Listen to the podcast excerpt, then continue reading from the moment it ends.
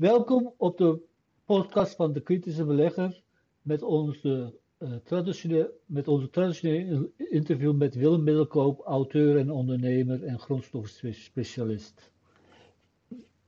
Willem, welkom op deze podcast uh, en welkom in het nieuwe decennium. Ja, dankjewel. Het is, uh, echt een traditie, hè? Ja. Dus het moet maar weer. er, er is nog denk ik ook heel veel gebeurd afgelopen jaar. En ik ben benieuwd naar jouw mening en visie. Ja, er zijn natuurlijk een aantal hele belangrijke uh, ja, uh, punten die we moeten behandelen misschien. Uh, Trump en de handelsoorlog. en de oorlog van Trump tegen de Amerikaanse media. En de oorlog van Trump tegen zijn nationale veiligheidsapparaat. FBI en CIA. En nou ja, met wie heeft Trump geen oorlog? Iran ook nog oorlog mee. Um, dus het draait een hele hoop om uh, Trump. En er draait natuurlijk ook een hele hoop om uh, de repo-crisis, de, de, financiële crisis die weer de kop opsteekt. Um, dat is volgens mij een funding crisis voor de Amerikaanse ja, regering. Die wordt verkocht als een repo-crisis, daar moeten we het misschien ook nog maar even over hebben.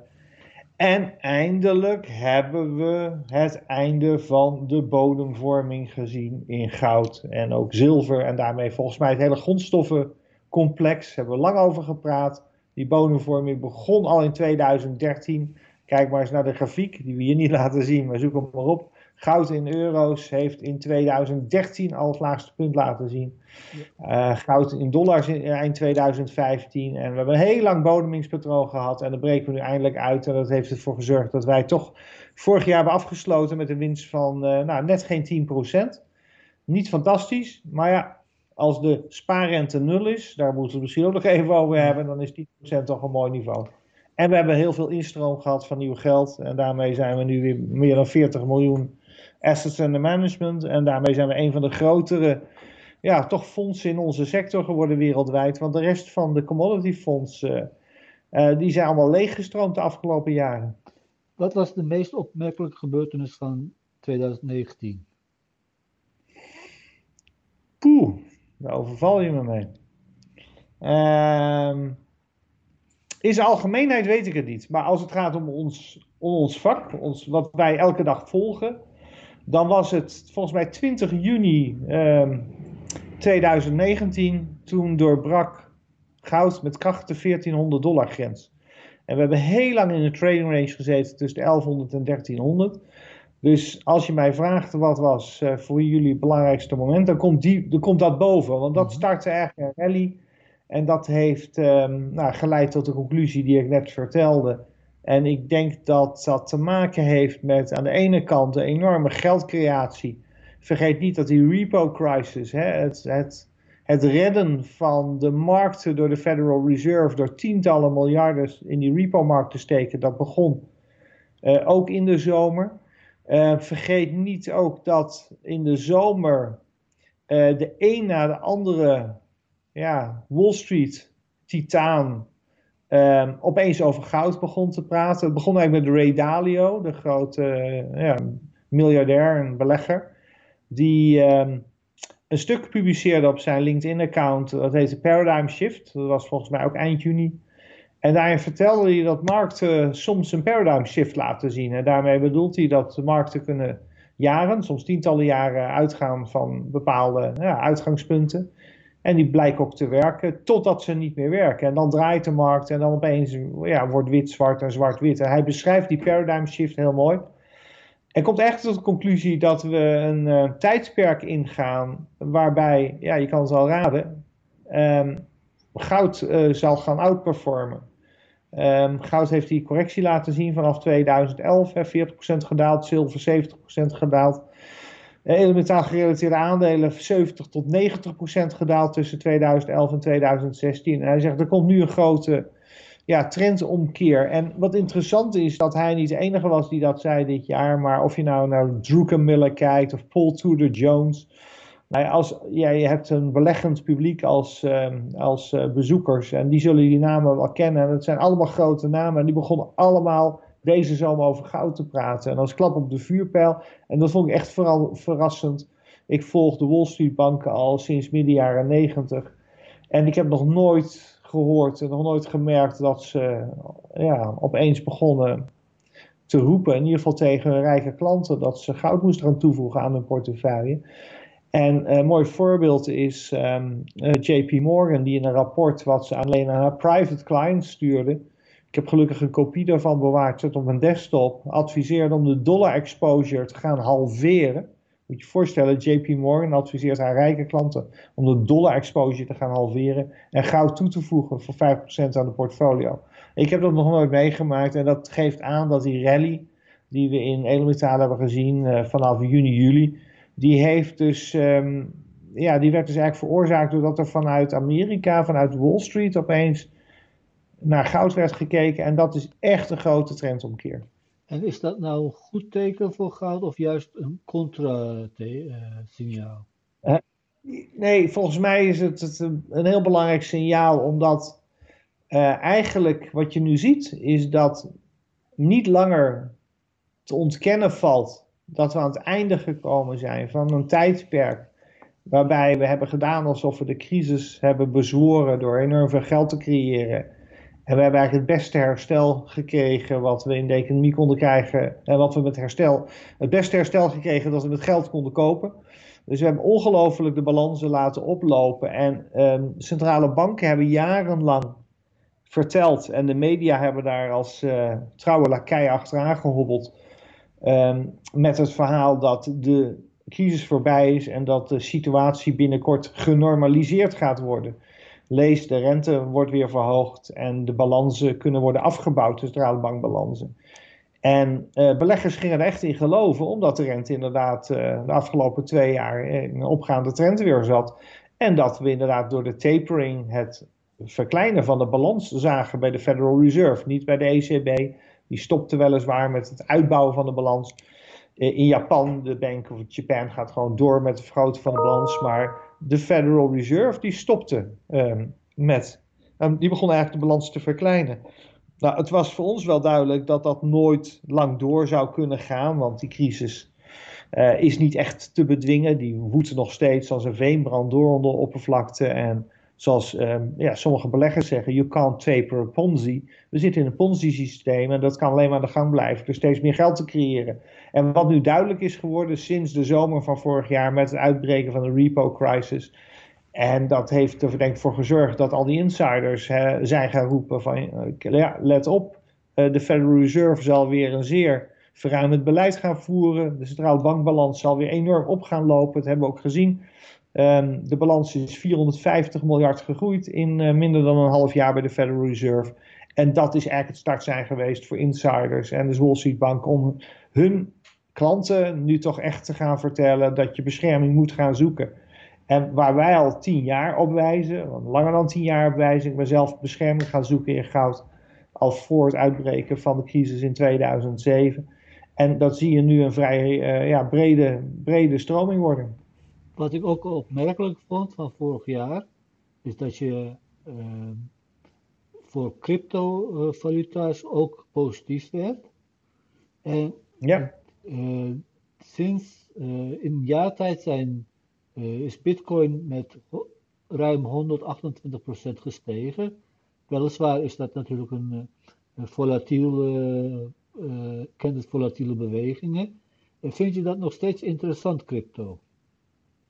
Ja, ik ben, ik ben enthousiast geworden over crypto. Eigenlijk uh, nadat ik in 2017 uh, eh, verschillende malen heb gewaarschuwd dat we echt in de klassieke ja, hype- en bubbelperiode weer zaten voor Bitcoin. Werd in de loop van 2018 toch wel duidelijk dat overheden uh, bezig waren om van de cryptomarkt een soort serieuze asset class te maken. Um, ze zijn begonnen de wereld uh, van crypto te gaan reguleren. Nou, als je het gaat reguleren, dan accepteer je het en dan wordt het dus eigenlijk gewoon een normaal beleggingsproduct. Ze houden um, ja, de opkomst van crypto nog wel tegen door niet de ETF toe te staan, maar er zijn futures gekomen.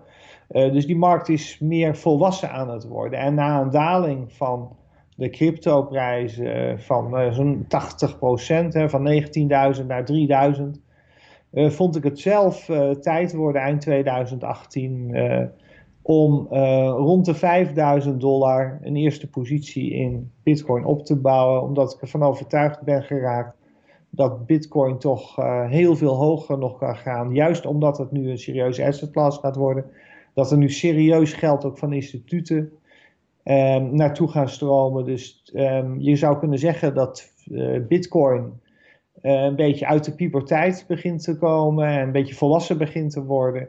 En ik denk dat uh, Bitcoin nog een heel lang leven voor zich heeft. En nou ja, daar ben ik positief geworden over Bitcoin. Ook omdat het technisch aan het uitbodemen was. Hè, tussen de 3.000 en 6.000 uh, euro. En daarom durfde ik het te adviseren voor 2019. Dat heeft goed uitgepakt.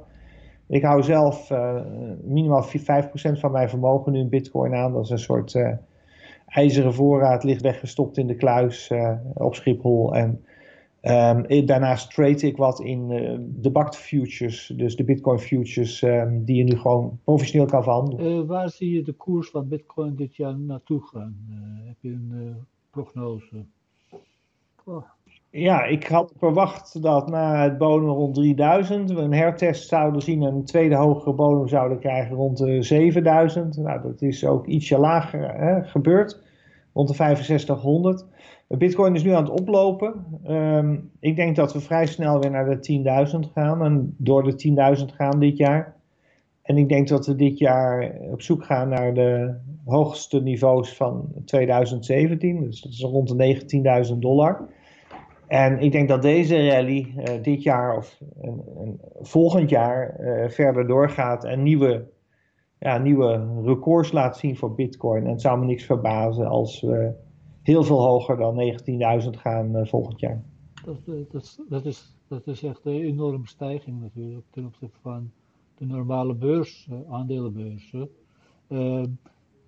Adviseer je particuliere beleggers om toch een deel in crypto te beleggen?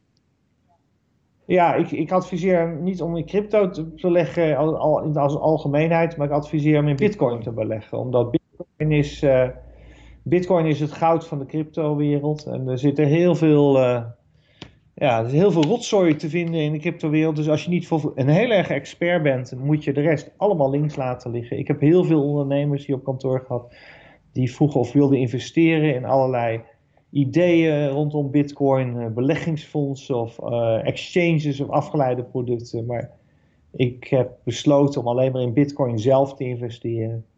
Uh, omdat de winsten, hè, de, de, rendementen in Bitcoin, als je ook naar het verleden kijkt, elke rally laat opnieuw ja, rendementen zien die honderden procent of zelfs duizenden procenten zijn. En um, Bitcoin heeft nu keer op keer bewezen dat de bodems hoger komen te liggen en dat er elke keer weer een rally komt die, uh, ja, die toch uh, adembenemend is. En sommige mensen vinden me te conservatief en die zeggen je moet veel meer geld erin stoppen. Nou, als, als ik ook een trade positie heb, heb ik meer dan 5% van mijn vermogen in, uh, in bitcoin.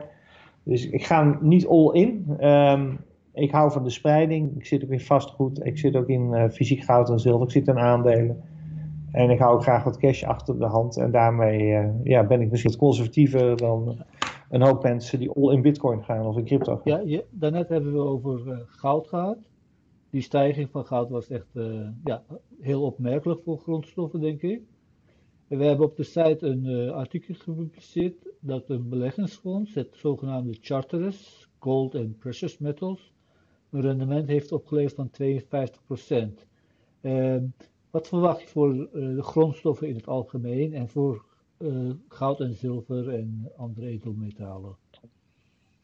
Ja, vorig jaar hebben we een markt gezien die had eigenlijk twee gezichten in de wereld van de commodities. Uh, goud en de echte goudproducenten die cashflow hebben, die hebben het extreem goed gedaan. Maar de goudbedrijven die geen cashflow hebben, die bijvoorbeeld nog een exploratie doen of in de development fase zitten. En, en de andere commodity fondsen die hebben het relatief uh, slechter gedaan. dus die markt had twee gezichten. Dat zag je ook terug in de resultaten van ons fonds.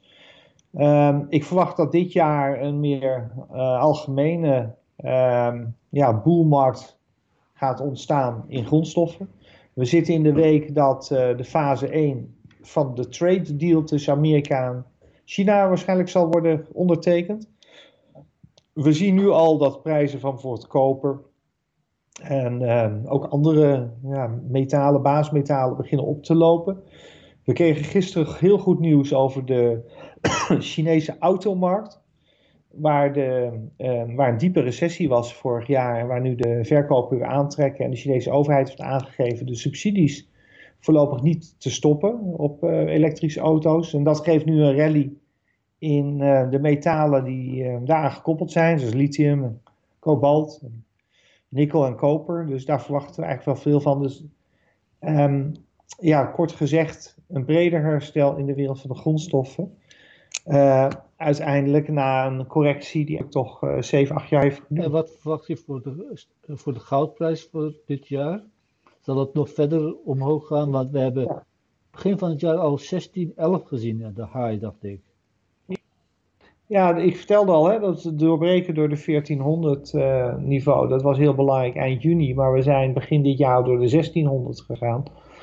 Uh, technisch, uh, als de 1550, 1500, 1550 niveau, als dat nu de nieuwe bodem wordt, die wordt op dit moment getest, dan als die bodem houdt, dan zouden we wel eens heel hard richting de 16, 17, 1800 kunnen gaan dit jaar. Waarbij natuurlijk de oude toppen van uh, 1900, uh, van 2011 in zicht komen. Um, ik weet niet of we dat dit jaar gaan bereiken. Ik verwacht wel dat we door de 1600 gaan, serieus. Um, 1700 gaan halen. En nou ja, ik vertelde al dat er veel aandacht is op dit moment voor goud vanuit, zeg maar, Wall Street. Vanuit het grote geld, het slimme geld. Het zou best wel eens, um, ja, het zou best wel eens sneller kunnen gaan dan mensen denken. En um, het wordt sowieso een, uh, een, positief jaar. Er zijn nog veel aandelen die een hoop goed te maken hebben. Als je kijkt naar de goudgerelateerde aandelen, die staan heel veel lager gewaardeerd dan uh, een aantal jaar geleden met eenzelfde goudprijs. Dus die inhaalslag, uh, daar verwachten we eigenlijk veel van. En als we naar de bredere commodity-markten kijken, dan is er een andere belangrijke trend die nu zijn werk begint te doen. We zien steeds meer schaarste ontstaan bij verschillende metalen. Palladium is een goed voorbeeld, rhodium is een goed voorbeeld. Het zijn kleine markten. Uh, verwachten dat er steeds meer metalen eigenlijk in een productietekort terechtkomen. Dat betekent dat de productie de vraag niet meer volledig bij kan houden. Ja, dan ga je de bovengrondse voorraden opmaken en dan zie je meestal dat de prijzen beginnen op te lopen. En dat geldt voor koper, nikkel, zink. Um, dus ja, we denken aan de vooravond te staan van een lange, lange opwaartse beweging in grondstoffen. En nou, dat mocht ook wel weer. In het artikel heb jij er gesteld dat het een perfecte storm is uh, voor grondstoffen. Ja, voor grondstoffen. Ja, omdat, dat komt omdat dus de fundamentele redenen die ik net beschreef, hè, toenemende oplopende tekorten bij veel metalen, omdat de wereldbevolking groeit, er steeds meer grondstoffen nodig zijn en vergeet niet dat er ongelooflijk veel geld uit het niets wordt gecreëerd door centrale banken. En een deel van dat geld um, gaat denk ik nu ook vluchten naar de sterk ondergewaardeerde grondstoffen. er is weer laatst een rapport verschenen van Bernstein, belangrijk analistenhuis uit New York. Die ook weer um, bevestigen dat grondstofgerelateerde uh, aandelenbedrijven laagste waardering hebben in, in 100 jaar. Dus de relatieve waardering is in 100 jaar niet zo laag geweest. En um, er zijn zoveel partijen met veel geld die veel geld hebben verdiend met vastgoed of op de beurs. En je ziet dat, uh, ja, dat er wat van dat geld begint te stromen naar dat wat ondergewaardeerd is. En vergeet niet in een uh, generalistische aandelenportefeuille, de grote beleggingsfondsen, zit minder dan 1% van de assets uh, is geïnvesteerd in, in grondstoffen. En dat is, we kennen uit het verleden dat dat 13 tot 15% is geweest in sommige periodes. En wat bedoel je met een perfecte storm voor grondstoffen? Dat er eigenlijk een aantal factoren bij elkaar komen. Dus je hebt de fundamentele redenen waarom uh, uh, het feit dat grondstoffen schaarser aan het worden zijn, zal de prijs op gaan drijven. Het feit dat er steeds meer eh, QE geld is, steeds meer geld bijkomt. Er klotst 250.000 miljard in de wereld rond op zoek naar rendement. Um, de CIO, de Chief Investment Officer van BlackRock, heeft laatst geschreven in een column dat beleggers nu echt moeten gaan investeren in all that government can't print. Dus nou, dat is iets wat wij al jaren roepen. Hè. Ga nu naar de hard assets, de zaken die de overheid niet bij kan drukken. Dus je hebt die fundamentele redenen, tekorten, grote geldcreatie en dan de technische redenen, volledig uitgebodemde grafieken. Uh, momentumgeld, hedgefundgeld, die ziet dat een nieuwe uptrend begint. En dat bedoel ik met de perfect storm. De technische en fundamentele redenen komen samen en dat, dan, kan het, uh, ja, dan kan het interessant worden. Um, heb je ook favoriete grondstoffen voor dit jaar? Ja, we hebben een, uh, een, lijstje gemaakt eigenlijk met onze favoriete grondstoffen. Dus we bouwen onze portefeuille eigenlijk altijd op door te kijken naar ja, welke grondstoffen willen we investeren. We zijn niet alleen maar goudbeleggers, hè. we hebben verschillende posities. En als je onze positie nu kijkt, staat goud bovenaan, omdat dat toch bescherming biedt ook tegen de crisis die kan komen, zelfs oorlogen die kunnen komen. Dus ongeveer 50% van onze portfolio is goud gerelateerd. Dus dat zijn goudgerelateerde investeringen. Wij investeren alleen maar in, eh, in beursgenoteerde bedrijven. Want 10% is platina, want platina is erg achtergebleven. Platina is vorig jaar uitgeboden. Dus we gaan uh, platina, onze platina-positie zijn we aan het verhogen tot zo'n 10%. Daarmee wordt platina even belangrijk als zilver. Dat is altijd zo'n 10% van onze portefeuille. Het schommelt tussen de 5 en 15%. Zit nu rond de 10%. Daarna koper. Ook een um, 10, 15 procent van onze portefeuille. Daarna zink, uh, rond de 5 procent. Uh, daarna nikkel, palladium, 4 procent van de portefeuille. Uh, is het streven. Palladium is heel sterk aan het oplopen omdat er echt fysieke tekorten. Dat is een heel mooi voorbeeld van de markt waar echt fysieke tekorten nu beginnen te ontstaan. kleine markt dan lithium. Gisteren nog lithiumposities bijgekocht. Um, dus die wilden we laten oplopen tot een 2% van de portefeuille. En dan, nou, dan heb je het zo ongeveer gehad. In de afgelopen jaar was je ook positief over zilver. En wat verwacht je daarvan? Ja, zilver is poor man's gold, hè, zeggen ze wel eens. En uh, als goud oploopt, dan volgt zilver altijd. Wat we vanuit het verleden weten, dat als een rally begint in edelmetalen, gaat goud als eerste. En zilver haalt dan op een gegeven moment goud in en gaat harder lopen.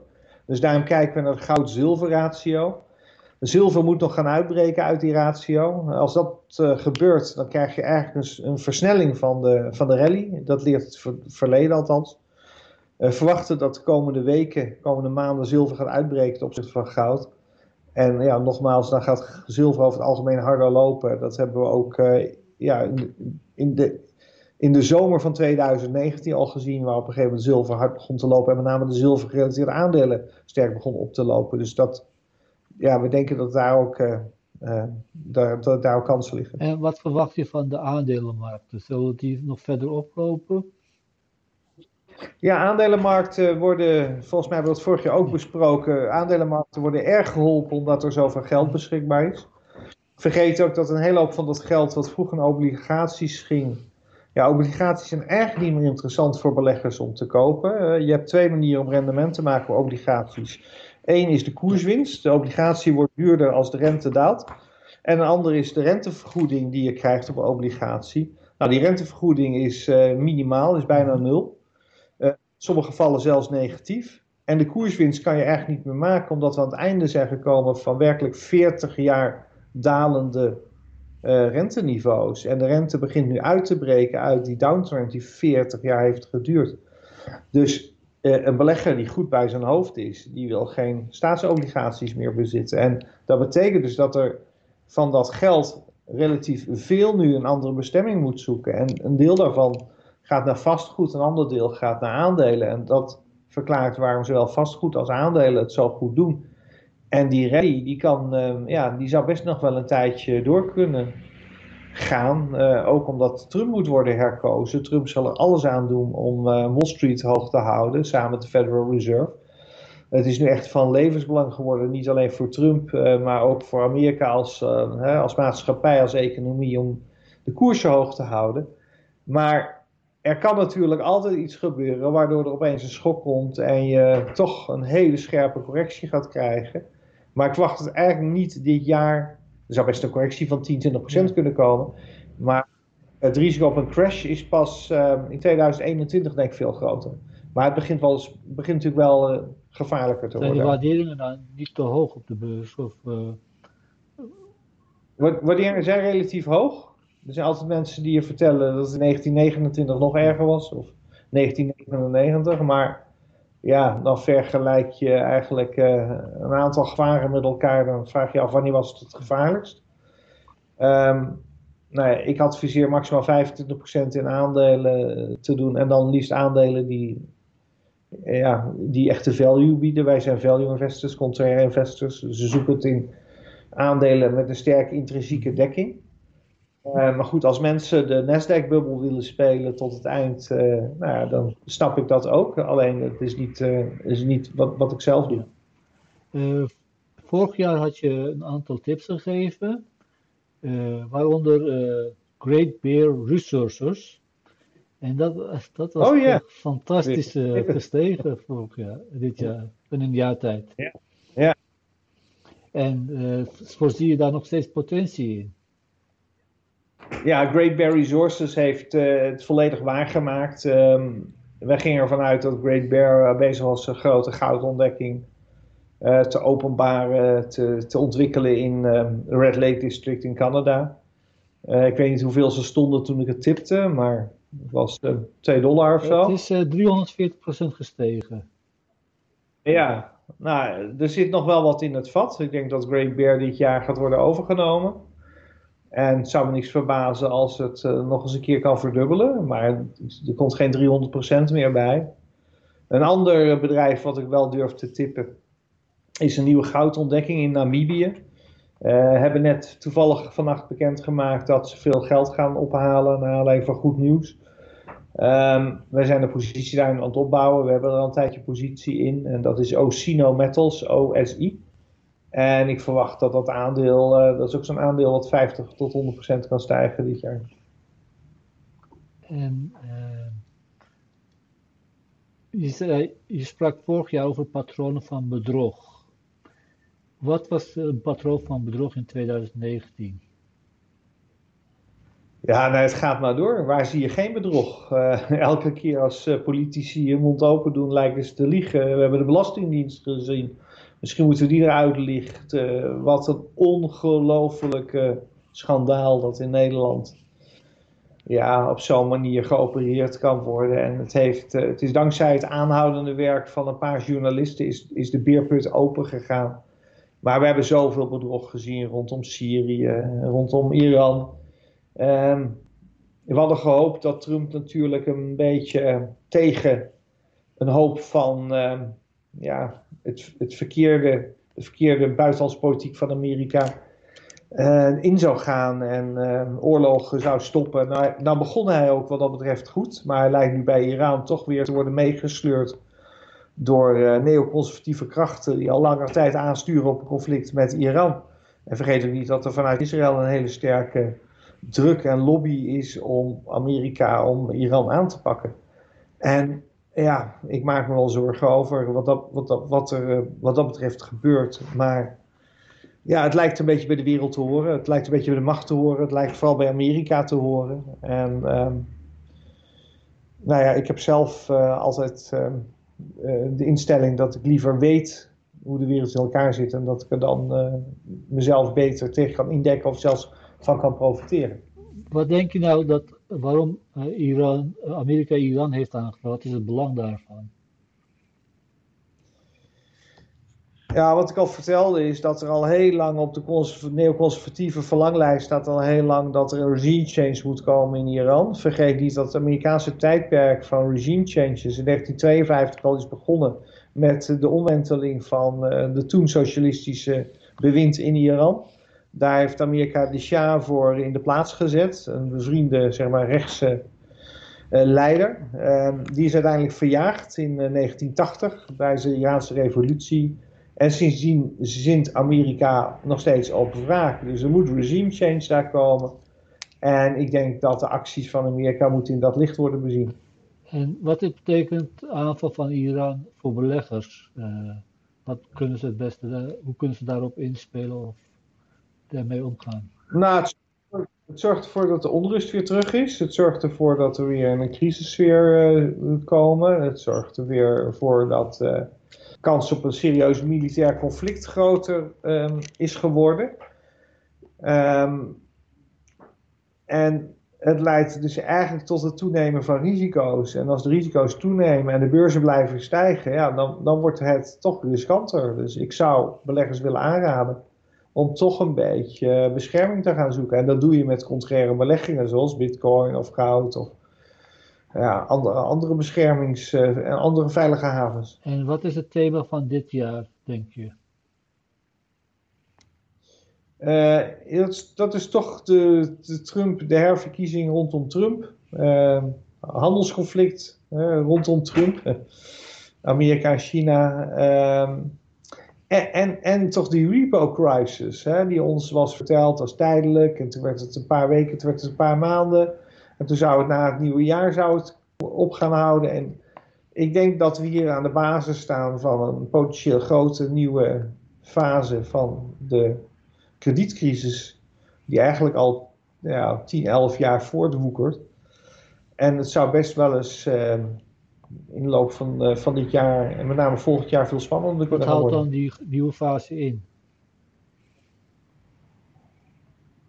Waar, waar ik al eerder aan refereerde in dit uh, gesprek, is de overgang van de fase uh, waar we de afgelopen tien jaar in hebben gezeten, dat we dachten dat we de kredietcrisis uh, aan het oplossen waren, dat we de kredietcrisis hadden opgelost, dat we terug zouden gaan naar normalisatie van het economische klimaat, komen we nu achter dat we eigenlijk aan de weg naar beneden weer begonnen zijn.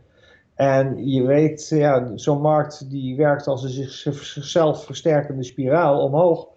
Of, uh, en, en, en werkt als een zichzelf versterkende spiraal naar beneden als de, als de de top gezet is. En ik denk dat we aan, aan het begin zijn ehm, van een nieuwe ja, beweging die neerwaarts is. Beurzen die uh, hebben dat vaak als laatste door. Um, dus die blijven dan nog even stijgen totdat er een wake-up call komt. En dan kan het serieus naar beneden gaan.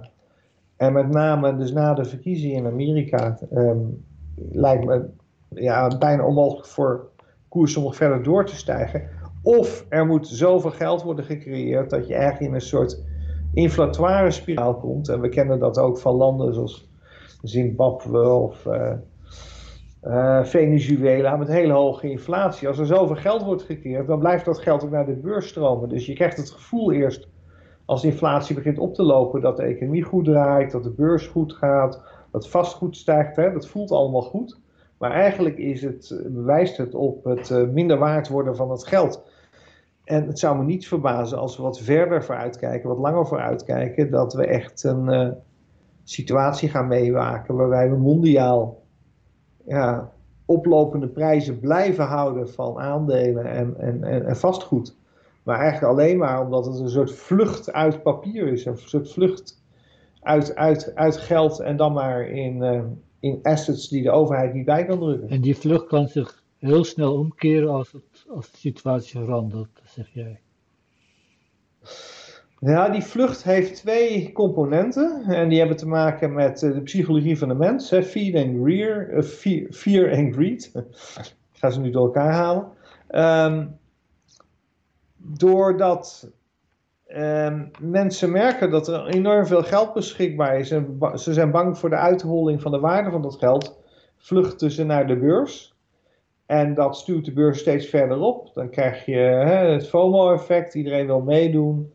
En die hebzucht kan die prijzen heel erg ver opdrijven. Maar doordat er zoveel geld die markt instroomt en op een gegeven moment iedereen lang aandelen is, is die markt ook heel kwetsbaar aan het worden voor een ja, hele zware correctie of zelfs een beurspaniek. Zoals we dat in 1929 hebben gezien. Een periode van extreem grote stroom van geld naar de beurs. In 87 hebben we dat gezien. Maar het zou me ook niet verbazen dat paniek zeg maar uitbreidt, blijft. En je krijgt een paar serieuze correcties, maar echte paniek blijft uit. En dat de enorme toevoer van geld in de wereld ervoor zorgt dat beurzen blijven oplopen. En dat we nu 30.000 uh, in de Dow Jones gaan zien. En over een paar jaar zien we 40.000 en dan wordt het 50.000. En dan, dan krijg je in feite een effect dan lijkt het alsof beurzen het heel goed doen, maar dan is het gewoon eigenlijk de inflatie die haar werk aan het doen. Ja, door de vlucht uit, uh, uit die andere uh, categorieën naar aandelen, omdat die rente ook nul is, zien beleggers zich gedwongen om naar de aandelenmarkten te gaan. En Ja, en, en, maar door de geldontwaarding, dus als je ziet dat goud heel erg oploopt, of huizenprijs heel erg oplopen, of de beurs heel erg oploopt, dan moet je eigenlijk oplopen. Dat wordt niet meer waard, het geld wordt minder waard. Dus als prijzen oplopen, dan moet je beseffen dat het geld minder waard wordt. Ik ben in Amerika geweest in de zomer weer. En ik was toch wel verbijsterd. Vroeger, als je 1 dollar, daar kocht je echt wel wat voor. In 1980 was ik in New York. En dan kocht je voor 1 dollar een pizza slice. Kreeg je een achtste deel van een pizza voor 1 dollar. Nou, nu kost alles wat je wil kopen, kost 4 dollar, 6 dollar, 8 dollar. Voor 1 dollar koop je niks meer. Weet je, 1 dollar, dat is, dat is klein geld. En de waarde van het geld, de koker van het geld, die wordt beetje bij beetje steeds verder uitgehold. En ik denk dat dat beetje bij beetje steeds sneller en sneller aan het gaan is. En dat vertaalt zich dus terug in steeds hogere prijzen voor, ja, voor de spullen die we niet bij kunnen drukken. En huizen zijn daarvan een heel mooi voorbeeld. Mensen zeggen, ja, huis is nu zo duur in Amsterdam. Elk appartement is minimaal een half miljoen tot een miljoen. Maar over een aantal jaar, als je in veel gaat kijken in Amerika, dan kost elk chalet kost 30, 40 miljoen. Dus een huis wat nu in Zwitserland duur lijkt voor 2 miljoen, dat kan over een aantal jaar wel eens 5 of 10 miljoen zijn. En ik vrees dat die beweging, dat uithollen van de waarde van ons geld en daarmee het oplopen van assetprijzen, uh, nog wel eens heel lang door zou kunnen gaan. Uh. Want we hebben ook gezien in Nederland was de hoogste inflatie in 17 jaar. Daardoor is eigenlijk de loonstijging helemaal teniet gedaan. En als je kijkt ook naar uh, de rente ten opzichte van de inflatie, zitten we in een heel negatief reëel uh, rentescenario. Ja, de rente uh, begint, die is natuurlijk nog steeds heel laag, wordt heel laag gehouden, maar de inflatie begint op te lopen. Ik denk dat al heel lang mensen met een normale baan niet meer voldoende zijn ge, ja, gecorrigeerd voor de geldontwaarding. Dus als je naar de officiële inflatiecijfers kijkt, zijn ze voldoende gecompenseerd. Maar ik denk dat de geldontwaarding, de sluipende geldontwaarding, veel groter is dan wat de officiële inflatiecijfers laten zien. En daarom komen uh, mensen die van een uitkering moeten leven of uh, van een pensioen moeten leven, steeds meer in de knel te zitten. We zien dat bijvoorbeeld ook in Frankrijk, waar vaak uh, de lonen uitkeringen nog wat lager liggen en prijzen steeds verder oplopen. En de belastingdruk is het grootst in, uh, in Frankrijk. Hè? De wereldwijde belastingdruk is daar het grootst. En het is niet voor niks dat daar het volk, echt gewoon het volk, brede, brede lagen van het volk, tot en met ouderen aan toe, echt in opstand komen, de straat op gaan. En die revolutionaire tijden, die we eigenlijk ook zien in Hongkong, op een andere manier, maar in steeds meer landen zien we mensen de straat op gaan omdat ze zeggen van ja, tot hier en niet verder. En ik denk die onrust, die sociale onrust, door ook vergroten van de kloof tussen arm en rijk. Want de rijken worden enorm geholpen met het huidige monetaire klimaat. Waarbij er steeds meer geld naar assets stroomt. Assets die zij bezitten, zij steeds rijker worden. En de armen die daar niet van kunnen profiteren. Als je een huurhuis hebt in plaats van een koophuis en je bezit geen andere assets. En de prijzen stijgen dan kom je steeds meer klem te zitten. En wat is jouw tip voor de gewone man? Ja, dat is heel moeilijk. De gewone man eh, die kan niet zoveel doen. Die wordt altijd uh, wat dat geschoren en die mag. Uh, je ziet het ook bij mensen met een, uit de middenklasse. Die mogen alle belastingen betalen en die komen niet in aanmerking voor allerlei subsidie- en steunmogelijkheden. En die worden, ja, die zien de marges uh, in hun besteedbaar inkomen steeds, uh, steeds, steeds kleiner worden. Als ik, ja, ik zeg het wel vaker, als, als je ergens bescherming in wil zoeken, en wat ook zelfs een kleine man kan doen. Uh, ik zeg altijd, een kilo zilver kost 400 euro, 450 euro, misschien nu net ietsje meer. Dat kan iedereen kopen, leg het weg. En ik verzeker je, over 10 jaar, 15 jaar is dat echt heel veel meer geworden. Dus dat is een manier waarop je heel simpel aan je eigen pensioen kan mhm. werken. En, um, maar ja, goed, dat vinden de meeste mensen iets heel raars om te doen. En is dat fysiek of uh, adviseer je dat om fysiek te kopen of uh, meer in termen van papier? Gewoon fysiek. Koop maar zilveren munten. Uh, koop oude gouden zilveren munten op tegen de zilverprijs. Dus je moet er een beetje creatief voor zijn. Maar ja, ik ken genoeg mensen in mijn omgeving die wel zo denken en, en, en dat doen. Ja, het lijkt me ook heel lastig natuurlijk voor, ja. Omdat je als je een gewone baan of een uitkering hebt, dan kun je dat natuurlijk niet te voordeel van die financiële markten profiteren. Nee. Nee, maar ik spreek nu meer tegen mensen die ZZP'er zijn, die best wel eens een Ja. keer 500 of 1000 euro apart Ja. kunnen leggen. Kijk, als je van uitkering moet leven, dan heb je, heb je niks te kiezen. Eh, wat je dan moet doen, is gewoon zorgen dat je leert eh, coderen, leert programmeren, leert developen. Ga dan maar eens echt een keer hard aan het werk, ga maar studeren. En dan kan je je eigen geld Ja. gaan verdienen. Maar de meeste mensen zijn te lui om dat te doen. En eh, ja, die blijven hangen in eh lethargie.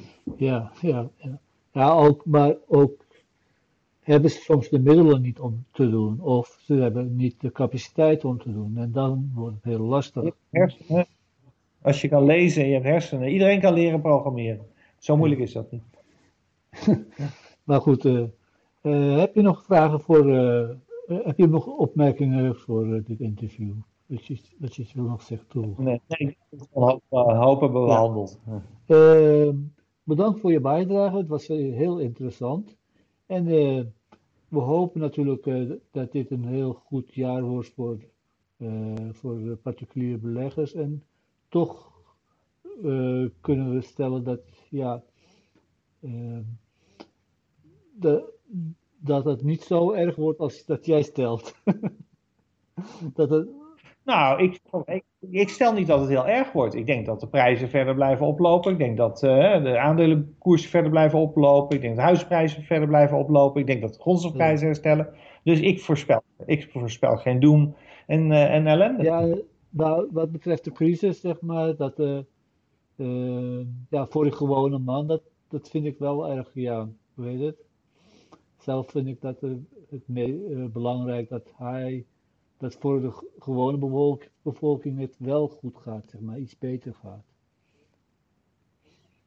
Ja, dat, eh, ik gun iedereen het allerbeste, maar ehm, ja, er moet natuurlijk, eh, ja, er moet natuurlijk wel geld blijven stromen en dat stroomt helaas vaak toch Ja. naar de mensen die het Ja. geld al hebben.